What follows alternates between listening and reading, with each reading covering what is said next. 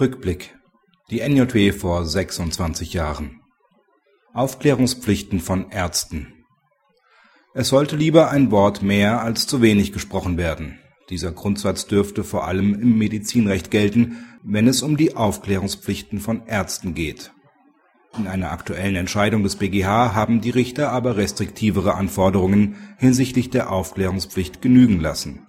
In einfach gelagerten Fällen kann der Patient auch per Telefon über die Gefahren des bevorstehenden Eingriffs aufgeklärt werden, heißt es im Leitsatz des Urteils aus Karlsruhe.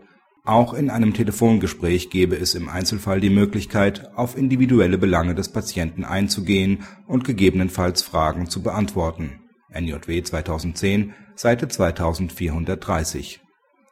Ärztefreundlich war auch eine BgH-Entscheidung in der NJW von vor 26 Jahren (NJW 1984, Seite 1810).